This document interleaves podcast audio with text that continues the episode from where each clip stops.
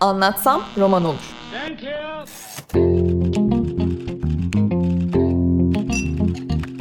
Bazı kültür sanat konuşmaları.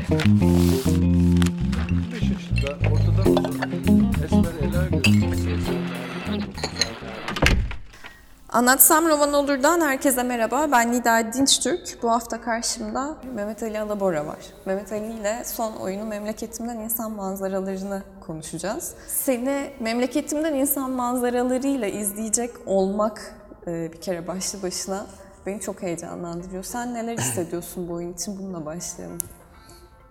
Şu anda çok yanlış bir zaman bunu sormak için. Şu anda sadece stres hissediyorum. Bir işe kalkıştık bir hevesle. Fakat o hevesle kalkıştığımız işin aslında ne kadar ağır ve zor bir iş olduğu biraz yolda çıktı ortaya açıkçası. Ben Eylül ayından beri şu anda Ocak sonunda, yok şu 1 Şubat bugün değil mi? Tam Şubat ayındayız. Eylül ayından beri ezber yapıyorum. Ee, Eylül'ün 10 10'unda başlamıştım galiba. Ee, günde bir iki sayfa ezberlemeye çalıştım. Son 3, 4, 5 ay, 4 aydır mı ne? Son 3 haftadır da prova yapıyorum. Burada bu odada Phil Mackenzie ile Cihan'la zaman zaman Akın'la birlikte. Bazen de senin gibi arkadaşlarımız da geliyorlar. Ee, gerçekten heyecan verici bir, yani heyecan verici bir süreç ama aynı zamanda yorucu bir süreç. Ee, Böyle bir bir de bir sorumluluk hissi yaratan bir süreç. Diyeceksin ki e sen yani kimse sana söylemedi yani sen çıkardın bunu. Biraz öyle yani evet. Yani kendi başımıza iş çıkartmış olduk. Güzel bir iş çıkarttık başımıza diye düşünüyorum ama yani. Peki nasıl çıktı bu iş başınıza? Eski zamandan kalma bir alışkanlık. Ben 90'larda büyümüş biri olarak e, o zamanlarda hala e, akşamları şiirler okunurdu. Meclislerin toplandığı yerlerde. Ben de eşime, dostuma, arkadaşlarıma arada aklıma geldikçe, çünkü şiirle büyüdüm ben sonuçta. Şiir okudum. Nazım okudum, Atilla İlhan okuyordum, Orhan Veli okuyordum, Cemal Süreyya, Edip Cansever ama tabii en çok e, Nazım. Dönüp dolaşıp bir, de- bir de bazı zamanlar Nazım'ın bir şiiri çok takılı veriyordu aklıma yani. Tam çünkü cuk oturuyordu o zamanlar. Okurken arkadaşlarım bana özellikle Akın Olgun senin oyun yapman lazım işte bir tane Nazım oyunu yapmak lazım. 2017'den beri söylüyor bana. Hatta 2016'dan beri.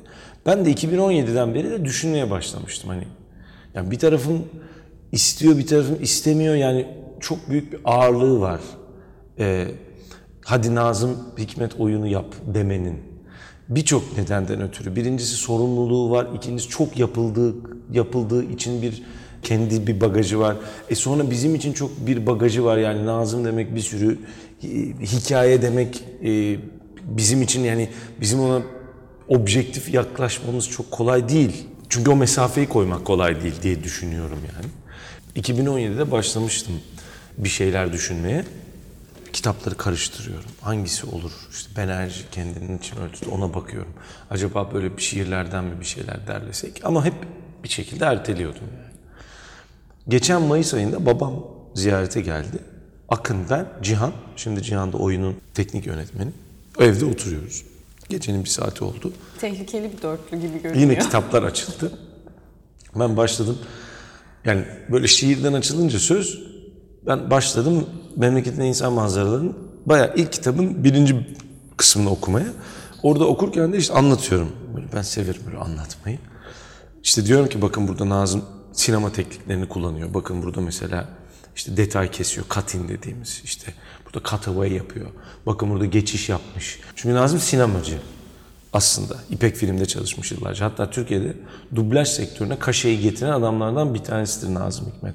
Ferdi Tayfur'la birlikte. Ferdi Tayfur bugünkü ismini bildiğiniz değil. Esas Ferdi Tayfur yıllar evvel ünlü bir oyuncu olan ve dublaj yönetmeni olan ve dublajcı olan Ferdi Tayfur. Onunla beraber dublajı getirmiş kaşeyi. Yani sinemacı aslında. Hatta sinema film de yapmak istemiş çok. Ee, dolayısıyla şiirin içinde inanılmaz bir e, sinema tekniği kullanımı var. Bunları anlatıyordum. Bunları anlatırken böyle bir taraftan da şiir okuyorum falan. Yine başladılar. Mutlaka yapman lazım, şöyle yap, oyunu yapman lazım falan. Fa- İşte bunları da anlatsan falan dedim ki ya bunları anlatarak oyun olmaz ya. Neyse biraz daha geçti zaman. Muhabbet devam ediyor. Ben böyle baktım kitaba dedim ki yani bir yolu olabilir yapmanın. O da e, yani ancak çok rafine bir şey yaparsak hani bir oyuncu olarak beni de zorlayacak. Böyle bir şey lazım dedim kendi kendime dedim ki ya yani ben o zaman birinci kitabı tek başına çıkalım, çıkayım yapayım sahnede. Yani çok pure bir anlatım olarak. Yıllarca da şunu söyledim bir taraftan. Yani şairle okurun arasına da girmemek lazım. Yani çünkü şiir okunduğu andan itibaren çok okuyan kişi hele bir de okuyan kişi etkili biri ise yani okumasıyla ve aklımızda kazınan bir hale geliyorsa artık şiiri o sesle hatırlamaya başlıyorsun. Oysa ki şiirin yani şiir sanki hani e, şairle okuru arasında kurulması gereken bir ilişki. Aracı olmaması lazım gibi bir şey. Bir taraftan da bunu düşünürdüm. Bütün bunların ağırlığı işte yani. Fakat o anda Memleketimde İnsan Manzaraları'nın birinci kitabını fotoğraf ve de resim öyle görsellikler kullanmadan yapabilir miyiz? Yapabilir miyim? diye böyle bir an bir şey geldi o akşam. Sonra dedim ki yalnız dedim bunun peki sahnede hareket nasıl edeceğiz? Phil'le olur bu ancak dedim. Phil Mackenzie ile. Çünkü Phil Mackenzie ile biz hemen geçen sene e, Ibrahim'i, Kargaları yaptık. Kargalar ilk Galce ve Türkçe oyunu Meltem Arıkan yazdı. Pınar oynadı, Pınar Öğün. Rebecca Smith Williams da Galce kısmını oynadı. Galce ve Türkçe yapılan ilk oyundu bu. Onun da hareket dramaturjisini ve tasarımını Phil Mackenzie yaptı. Ee, oradan da zaten çok uzun zamandır da tanışıyoruz. Dedim ki bu ancak Phil'le olur ve ben kendimi Phil'e emanet edebilirim. Hemen Amazon'a girdim. Kitabın İngilizcesinin siparişini verdim. Bir ay sonra Phil'le buluştuk. Kitabı verdim. Phil götürdü kitabı. Bir ay sonra, iki ay sonra buluştuk. Çok etkilendiğini söyledi. Ve proje ortaya çıkmış oldu. Ee, ama tabii şimdi aslında insanlar senin bir e, Nazım Hikmet oyunu yapmanı şu an Nazım Hikmet'le senin hikayenin arasındaki benzerliklere bağlıyorlar. Sence e, biraz geri planda böyle bir itici güç mü vardı yoksa tamamen anlattığın gibi bu metnin bu kadar sinematografik olması, seni bu kadar iştahlandırması mıydı yola çıkartan? Ya tabii ki bir tek o değil çünkü sonuçta ya ben Nazım'la büyüdüm. Bunu söyleyebilirim yani rahatlıkla. İlk ezberlediğim şiir hayatta kız çocuğudur. 11 yaşında mı 12 yaşında mıydım neydim ilkokuldaydım 5. sınıfta okudum şiiri. Ezberlemek istedim şiiri hani. Ya, muhtemelen ondan evvel ezberlemişimdir şiir yani ilk ez- ama kendi isteğimle hani bir şiir ezberleyeyim di- di- diyerek ezberlediğim şiir kız çocuğuydu. Ondan sonra tabii yani bütün ortaokul hayatım, lise hayatım, sonra konservatuarda da işte Taranta Baba'ya mektuplardan bir final sınavında çalışmıştım. Sonra 2002 yılında yolcu oyununu, Nazım yolcu oyununu yap. Yani hep böyle bir bir şey var yani. Hani yani Nazım'a dönüyorsun, dönüyorsun sürekli hani Nazım okuyorsun falan hani kurcalıyorsun. Bir şiir bir daha geliyor bir yerden. Belki bir nebze de şey gibiydi yani. Yani yapayım bir şey de artık hani çıksın bu bünyeden diye atalım yani gibi bir duygusu da var. Tabii ki atmak mümkün değil. Ee, ama hani öyle bir duygusu da vardı.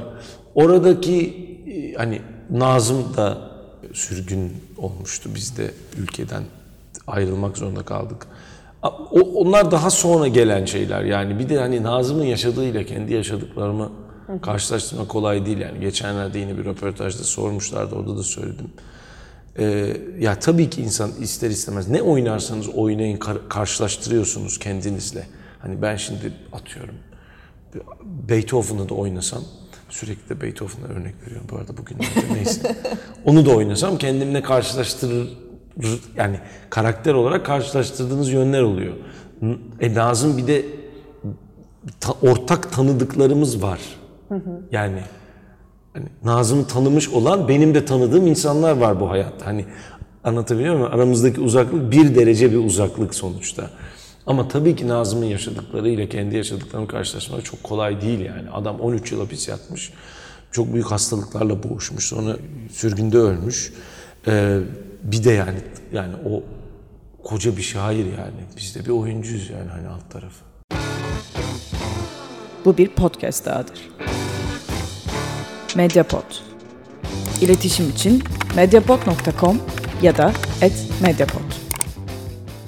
Peki ya ben bu oyunu fille yapmanız kısmına da e, geleceğim ama Önce bu Nazım e, bağlamından kopmadan şunu sormak istiyorum. E, göçmenlik zaten başlı başına zor bir duygu. Sen nasıl hissediyorsun? Sen kendini sürgün mü hissediyorsun? Göçmen mi hissediyorsun? Göçmenlik duygusuyla nasıl baş ediyorsun? Açıkçası ben kendimi sürgün olarak hissetmiyorum. Geçenlerde bir tane pro- e, bir proje yapıldı. E, Windows Windows'un Elsewhere, başka yerdeki pencereler diye. Burada birçok e, yazara, sanatçıya, gazeteciye soru sormuş, sordular ve onlardan 300 kelimelik bir şey yazmasını istediler. E, Kendi bugün durdukları pencerenin fotoğrafını istediler ve o pencereden bir illüstrasyon yaptı. Sonra bizim onun üstüne bir şey yazmamızı istediler. Bunlardan bir tanesi de bendim. Galiba 50 kişiyle yapacaklar. Bir tanesi de Meltem'di hatta, hatta Meltem Arıkan'dı. Biz Meltem'le de burada birlikte yaşadığımız için de sürekli adı geçiyor. Orada yazarken şöyle bir şey yazmıştım. Hala muhtemelen e, geçerli olduğunu düşünüyorum. Orada o pencereden dışarı bakarken galleri görüyorum yani. Bu pencere benim sağ tarafımda duruyor. Bir tane küçük kulübem var. Orası benim ofisim. Karşımda bilgisayarım var. Sağ tarafında da bu pencere var. Oradan baktığım zaman galleri görüyorum. Ve oraya baktığım zaman ve galleri gördüğüm zaman Galler'de bugüne kadar 3-4 tane turne yaptık. Galleri köy köy, kasaba kasaba dolaştık. Burada seyirciye daha fazla seyirciye nasıl ulaşabileceğimizi bulmak için e, projeler ge- hala ge- gerçekleştiriyoruz. Bu gördüğünüz odada bugün ben 10 tane edebiyat okuması yaptım. Dolayısıyla Galler'in sanat hayatında ve Galler'in kültürel ve sosyal hayatının bir parçasıyım ve bunu da kendime dert eden dert eden bir parçasıyım. Bunu yazmıştım 3 aşağı 5 yukarı. Sonra bu tarafa dönüyorum. Burada mon- monitörler var. Orada ya Twitter'dan bir şey geliyor ya benim adıma Google'dan bir e, şey alarm düşüyor işte hakkında bu yazıldı falan diye. O zaman tak o tekrar seni geldiğin yere çekiyor. Ve o zaman te- tekrar hatırlıyorsun. Ben kendimi hiçbir zaman e, sürgün gibi hissetmedim. Bu demin anlattığımdan ötürü. Nereye giderse oranın derdini dert etmeye çalışan biri olarak buranın derdini şu anda dert eden biri olarak hissettim ve gerçekten geldiğimden beri kendimi burada hiç yabancı hissetmedim. O kadar ki son yıllarda Türkiye'de kendimi daha yabancı hissettiğim zamanlar oluyordu. Hatta şu örneği hep veriyorum. Bir gün haberler için toplantı yaparken e, Levent demişti ki Levent Kazak ya dedi ülke hakkında çok şey bilen turistler gibi olduk dedi. Bunun dediği yıl 2012 idi bu arada yani hani hani her şeyi geziyle referans alıyoruz ama gezinin öncesinde söylemişti bunu. Dolayısıyla bu söylediği şey bile kendini aslında yabancı hissetmekle ilgili bir şey. Bir büyük yargı yapmak için değil, sadece kişisel bir hikayeyi anlat, kişisel bir duyguyu anlatmak için söylüyorum yani. Burada gerçekten hiç öyle hissetmedim yani. Ben burada hiç kendimi yabancı gibi hissetmedim. Hani belki buradaki çevremden ötürü, iş yapabilmek, yap- yapabilmiş olmamdan ötürü. E, ama dediğim gibi işte o iki pencere arasında oraya yazdığım gibi o iki pencere ne kadar da hissetmesen o seni kimi zaman çağırıyor ve orada bir ikilik yaratıyor ve orada bir problem yaratıyor. Sonuçta bu bir kompleks. Yani kompleks dediğimiz şey insanlar şey diye algılıyorlar hep aşağılık, aşağılık kompleksini ama kelimenin tam anlamı aslında kompleks karmaşa demek. Dolayısıyla bir karmaşa yaşıyoruz şu anda hayatımızda. Geldiğimiz yerle, olmak istediğimiz yerle, olduğumuz yer arasında bir karmaşa yaşıyoruz. Ama bu anlamda ben kendimi açıkçası çok sürgün olarak hissetmiyorum yani. Ben buralı bir sanatçı gibi hissediyorum kendimi. Ama tabii ki Türkiye'de geçmişi olan, oradan da büyük bir zenginlik getirmiş, e, buralı bir sanatçı gibi hissediyorum. Peki neredeyse 7 yıl bitti aslında. Ee, değil mi? Bir 6 yıl bitti. 6 yıl bitti. Ha ya 7. yılın Evet. içindesiniz artık. Bu 7 yıl seni e, nasıl bir insana dönüştürdü? 7 yıl nasıl geçti senin için? Ya insanın tabii e, doğduğu yere ve büyüdüğü yere uzaktan bakabilmesi de değerli bir şey bir taraftan. Bizim için sorun olan, Türkiye'de doğmuş olanlarda sorun olan şeylerden bir tanesi de seyahat özgürlüğü. Bizim seyahat özgürlüğümüz yok. Evet. Ne demek yok? Tabii ki var. İsteyen istediği yere seyahat ediyor. Ama 19 yaşında bir genç kadının ya da bir genç adamın ben gideyim de bir 6 ay Paris'te yaşayayım demesi çok büyük bir karar Türkiye bir Türkiye'li için. Çok büyük aranjmanlar yapması yani ayarlamalar yapması lazım. Ee, kolay değil yani. Ama mesela bir Yunanistanlı çocuk için bu çok daha kolay. Yani seyahat özgürlüğünden kastım o. Bir gidip 6 ay hani gideyim bir kalayım bakayım Paris'te ya da Finlandiya'da ya da Londra'da artık Londra'da kalamazlar çünkü Brexit oldu. Evet, dün Ama itibariyle. dün itibariyle kalamazlar. Ama hani demek istediğim anlaşılmıştır yani daha büyük bir seyahat özgürlüğü tanıyor. Bizim bu seyahat özgürlüğümüz bugün bile tatile bile gitmek için banka hesapları yani çok ciddi bir iş yani. Türkiye'den çıkmak bugün değil yani hep böyleydi. Evet. Dolayısıyla hani o yüzden de belki de birçok e, yeteneğimiz e, gidecekken git gitmedi yani. Ve e, hani gitmekte bir şey varmış. Yani geriye dönüp bakmakta. Bunu ben ancak e, 37 yaşında e, askerlik hariç 6 aydan fazla İstanbul dışında yaşamamış biri olarak söylüyorum 37 yıl boyunca yani. Orada bir e, değer varmış yani o tekrardan dışarıdan bakabilmekte. Dolayısıyla bu 7 yıl ne yaptı diye soracak olursan en çok onu yaptı yani. Hani e, bir taraftan da bir genişleme sağlamış oluyor. Yani hem vizyonunuz için hem kendi yapabilip yapamayacaklarınız için de. Biz bazen çünkü Türkiye'de kendi krallıklarımızı oluşturup onun içinde çok rahat yaşıyoruz. Ve yani orada böyle oh artık hani bir de büyük bir ülke Türkiye ve yeterli de oluyor. Dolayısıyla da hani orada böyle bir kendi kabuğumuz içinde yaşıyoruz. Pek de dünyayla bir bağımız oluyor ama böyle çok da hani bir parçası gibi olmuyoruz. Biraz periferisinde gibi duruyor oluyoruz. Şimdi mesela ben burada çok uzun yıllardır başka bir dil içinde yaşıyorum. Tabii ki Türkçe bir sürü insanla e, iletişimdeyim. Ama İngilizce hayatımda Türkçe kadar var olan bir şey. Galce'de öğrenmeye çalışıyorum ama tabii Galce'yi İngilizce kadar yapabilmem o kadar e, kolay olmayacak. Belki de hiç olmayacak bilmiyorum ama bir de ben meraklı olduğum için dile de hani İngilizceyi çok didiklemeye ve sürekli öğrenmeye devam etmeye çalışıyorum sözcüklerle, sözcüklerin nasıl söylendiğiyle, anlamlarıyla, yaratılan manalarla, kalıplarla sürekli uğraşıyorum. Bazen hatta dalga geçiyorum İngilizceyle. Bazen dönüp Türkçe'ye de bir laf ediyorum falan filan. Fakat Nazım çalışmaya başladıktan sonra işte bu 7 yılın yaptıklarından bir tanesi. Türkçe'ye ilk defa yabancı bir dil gibi uzaktan bakabilme imkanına sahip oldum. Ve mesela İngilizce'de bazı şeylerle dalga geçiyordum. İşte diyordum ki mesela neden on the bus ama in the car? Ya da niye at five o'clock on Sunday in January yani. Hani preposition deniyor. Bizdekinin ismin beş hali deriz ya biz. dalga geçiyordum. Çünkü Türkçe'de hani masada, masanın üzeri. Fakat sonra okuyunca şimdi mesela e, sepetler ve heybeler merdivenlerden inip merdivenleri çıkıp merdivenlerde duruyorlar diye diyor. Merdivenlerden çıkıp da diyebilirsin. Merdivenleri çıkıp da diyebilirsin. Merdivenlerden inmek ya da merdivenlere inmek de değil. Şimdi bu, bu küçücük detaylar çünkü ezberlediğim için e bir de tabii ki bu normal bir tiyatro teksti değil. Bunu tamamen aslına sadık ezberlemeye çalışıyorum. Mesela bazen üzerinde diyor Nazım, bazen üstünde diyor. Aynı kelimeye, aynı kalıba. Ali Masanın üzerinde yatıyor yüzük oyun, sırtı yarılmış gömleğinin diyor. Bir sonra Ali Masanın üstünde yatıyor yüzük oyun, sırtı yarılmış gömleğinin diyor. Bir anda Türkçe bambaşka olmaya başladı benim için. Ee, ve tabii e, bu keyifli de bir şey aynı zamanda.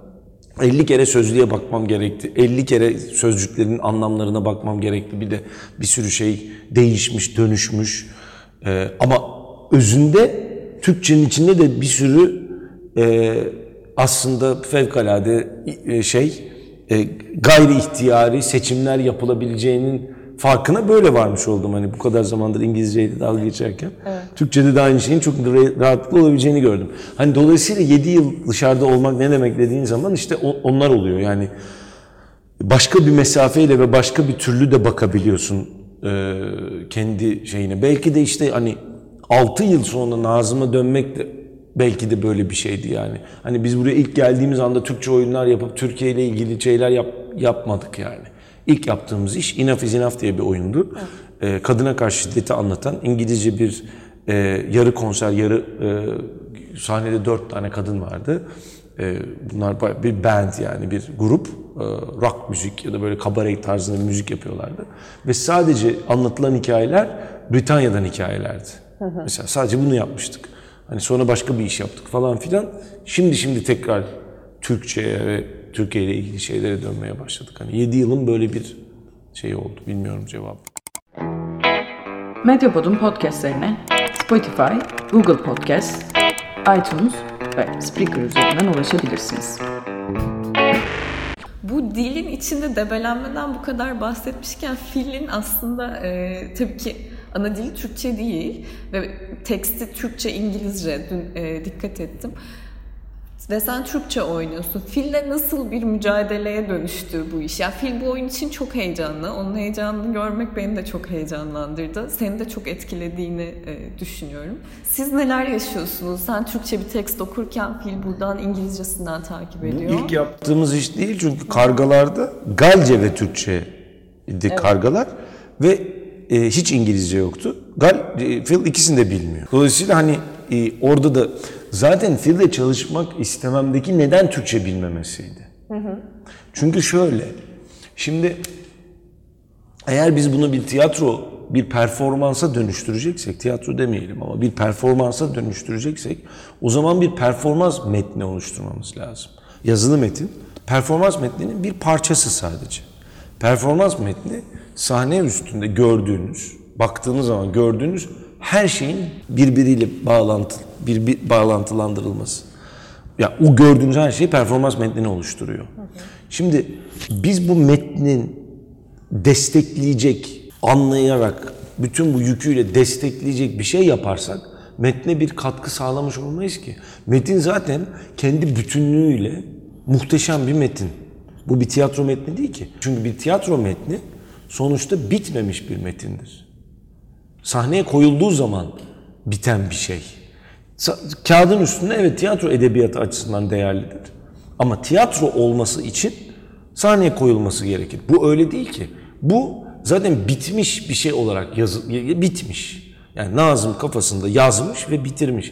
Şimdi bizim bunu alıp da bunun üzerine eee bunu destekleyecek bir şey yapmamız, desteklemekten kastım aynı manayı destekleyecek bir şey yapmamızın bir manası, bir, bir şey yoktu. Dolayısıyla onun altına yeni katmanlar oluşturmamız lazım. Öyle ki neredeyse, mesela benim için hiç dili bilmeyen biri izlese de bir mana al- algılamalı performans metninden Be- bence. Yani benim geldiğim son 15 yılımı geçirdiğim tiyatro geleneği böyle bir tiyatro geleneği. Onun için Phil'in olması çok değerli. Çünkü Phil dili bilmediği için Nazım'la ilgili de bizim sahip olduğumuz bütün yüklere sahip olmadığı, o bagaja sahip olmadığı için onun için değerli olan bir performans metni. Tabii ki bu anlamın dışına çıkılacak anlamına gelmiyor. Ama onun için Phil'le çalışmak istedim. Çünkü o zaman o bambaşka bir, bir tiyatral performatif element ekleyi, eklemiş oluyor bütün e, gösterinin içine. E, Fil'de geride kalan yıllarda yaptığınız işlerden de bahsettin. E, aslında siz burada 7 yıldır sadece tiyatro değil, bir pro- prodüksiyon şirketi de işletiyorsunuz. Başka neler yapıyorsun burada? Ee, Beware Productions 2015'te kuruldu. Pınar kurdu. Ee, onunla önce Exhibit diye bir kısa film çektik. Pınar çekti filmi. Ben asistanlığını yaptım. Enough is Enough'ın önce araştırma geliştirmesini yaptık. Ondan sonra e, turnesini yaptık. Sonra onu Londra'da oynadık. E, iki oyun oynadık orada. E, burada da bir sonra oynadık tekrar. Sonra e, Kargaları yaptık. E, Ibrahim e, Galcesi, Türkçesi Kargalar. Bir, sahnede iki kadının birinin Galce birinin Türkçe konuştuğu Meltem Aykan'ın yazdığı oyun. Önce onun Nereye Aitsin ismiyle araştırma geliştirme projesini yaptık. Altı ayrı kasabada, kentte prova yaptık. Gezici provalar. Oyunu okurken bir taraftan da seyircilerle konuştuk. Hatta onun kısa da bir videosu var onun hikayesini anlatan. Orada insanlarla aidiyeti konuştuk, dili konuştuk. Ee, Dediğim gibi bayağı bir 3 haftalık bir e, turneydi. O Kargalar oyununun temelini oluşturdu. Ondan sonraki yılda yani geçen yılda Kargaları yaptık ve tekrar toplam iki turneyle Galler'i dolaştık. Yine köy köy, kasaba kasaba toplamda 15-20 yer dolaştık yine. İnaf İzinaf'ta da öyle dolaşmıştık. Yine 20 yer dolaşmıştık.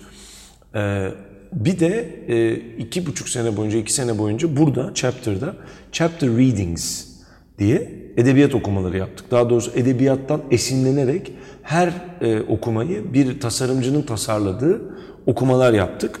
E, onlar da Chapter Readings Podcast diye ararsanız Google'da hemen çıkıyor. E, oradan e, dinlemek mümkün olabilir. E, onun dışında ilk geldiğimiz yılda küçük bir iş yapmıştık. E, Kadın Adam diye bir küçük iş yapmıştık. Ben arada gittim Freiburg'da bir opera yaptım. Kısa bir opera.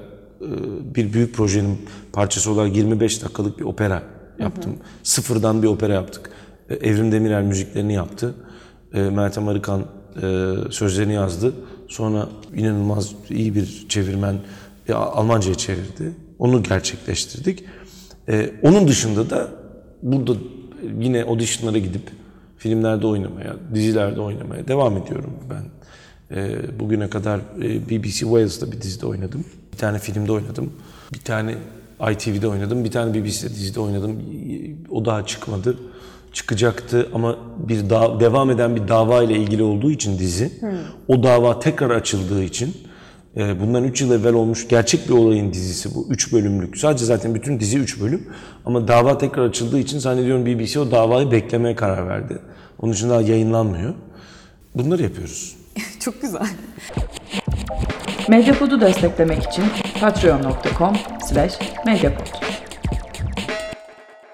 Şimdi memleketimden insan manzaraları için de önünüzde bir turne programı var. Evet. Ee, Avrupa'da da birçok ülkeye gideceksiniz, şehre gideceksiniz. Birleşik Krallık'ta da.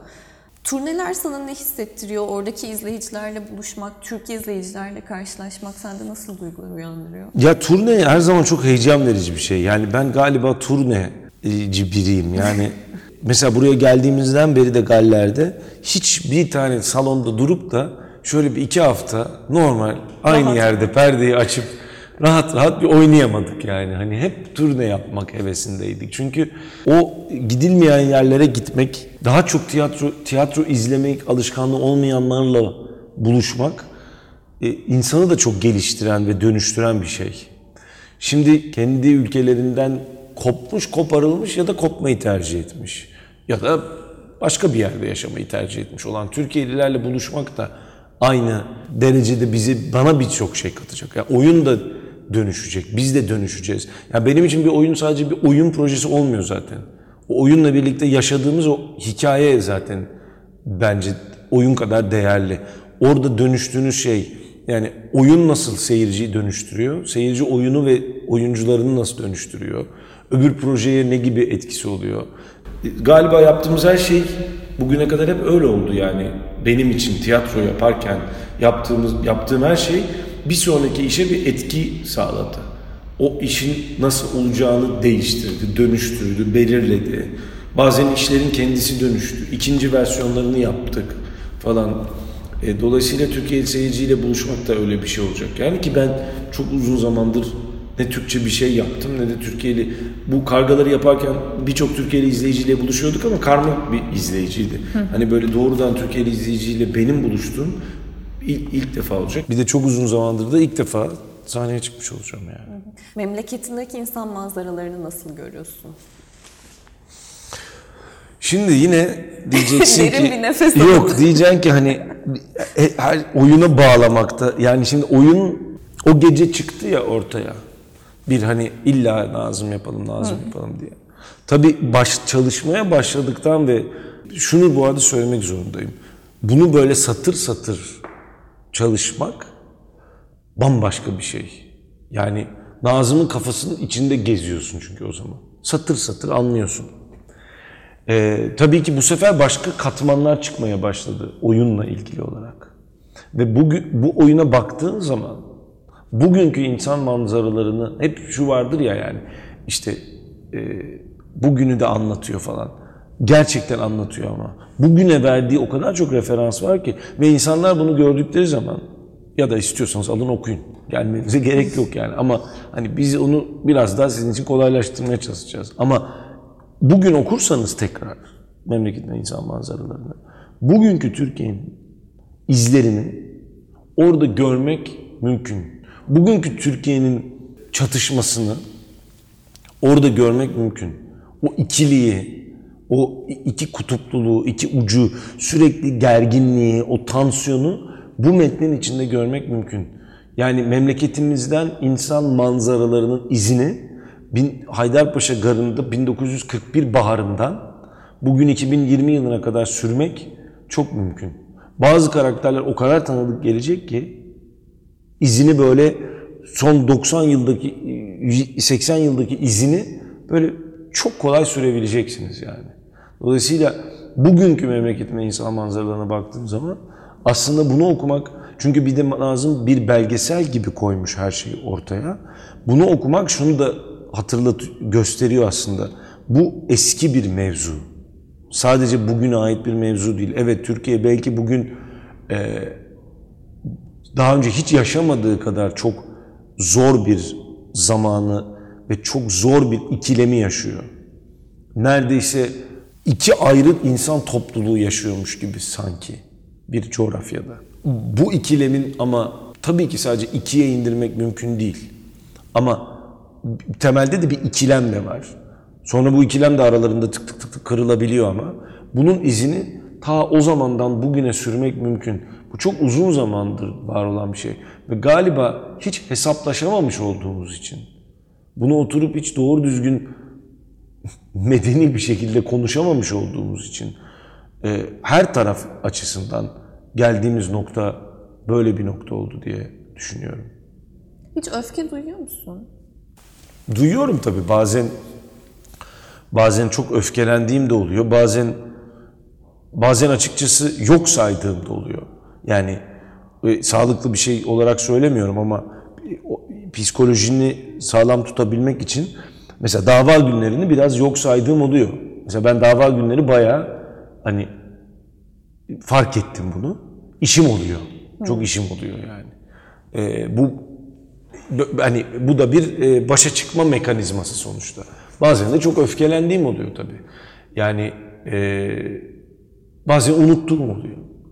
Hani mesela her anımı bununla hani dedim ya demin kendimi sürgün gibi hissetmiyorum derken söylemek istediğim şey oydu. Her anım anımı bununla yaşamıyorum. Bazen hiç aklıma bile gelmediği oluyor. Hani bu hikayelerin. Sonra beni daha çok içine çeken şeyler oluyor. Ee, ama evet yani bütün duygular katman katman ve e, seviye seviye yaşanıyor. E, her zaman da çok kolay yaşanmıyor. Yani bazı zamanlar çok daha zor oluyor. Ee, ve evet yani bir ama tabii ki dibinde bir- yerinde bir öfke e, de oluyor, kırgınlık da oluyor. E, ama bunlar böyle çıkıyorlar, iniyorlar. Anlatabiliyor muyum? Kimi zaman da daha bir şey geliyor, bir e, ne derler, daha bir Kabullenilebilir. çelebi hal geliyor falan. Yani falan gibi bir durum geliyor. Yani sürekli gidip geliyor yani içinde insanın bir kolay bir şey değil. O ya çekildikçe o pencereden demin anlattım ya. O pencereden bu tarafa kafayı çevirdikçe ve daha çok buraya bak, buraya bak, buraya bak denildikçe onun içine doğru gidiyorsun aslında. Yani pencereden çıksan, kapıdan da çıkıp ormanda bir gezmeye başlasan aslında belki biraz daha geride bırakacaksın. Belki de doğrusu o yani. Belki de biraz daha geride bırakmak. Ama öyle olmuyor. Hayat öyle değil yani. Teşekkür ederim. Ben teşekkür ederim. Medyapod'un podcastlerine Spotify, Google Podcast, iTunes ve Spreaker üzerinden ulaşabilirsiniz. Medyapod'u desteklemek için patreon.com slash medyapod.